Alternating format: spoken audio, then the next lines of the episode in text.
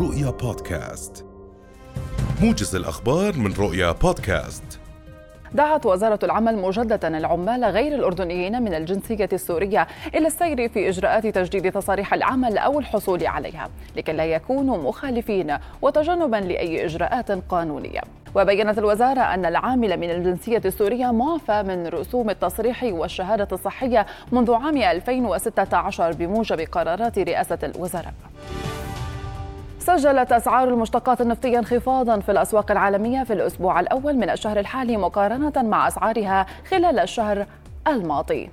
وسجل البنزين أوكتان 90 و95 نسبة انخفاض بحدود 14% وانخفض سعر الديزل والكاز بحدود 11%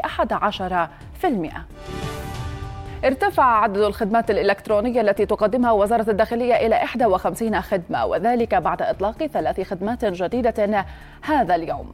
وقالت الوزارة إن الخدمات الجديدة هي الإقامة بمهنة مستثمر شريك أو صاحب شركة واستكمال إجراءات عقود الزواج والتنازل عن خادمة مؤكدة.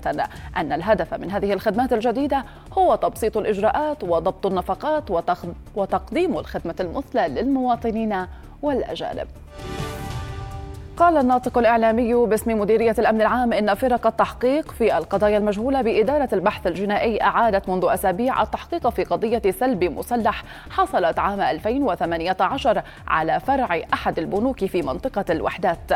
وأضاف الناطق الإعلامي أن إعادة التحقيقات ومقارنة الأدلة أفضت إلى تحديد هوية المشتبه به حيث تم اعتقاله واعترف بتنفيذه لعملية السطو. قال نقيب أصحاب المطاعم والحلويات عمر عواد إن الدراسة التي أجرتها وزارة الصناعة والتجارة حول عدم ارتفاع أسعار المواد الأولية للمطاعم غير صحيحة. وأضاف أن النقابة طالبت برفع الأسعار بشكل بسيط. كشفت صحيفة هآرت العبرية عن مخطط لبناء حي استيطاني جديد في بيت صفافة جنوبية شرق القدس المحتلة يشمل 473 وحدة استيطانية.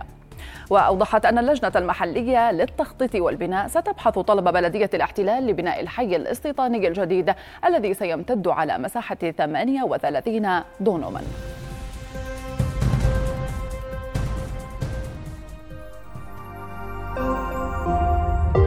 رؤيا بودكاست.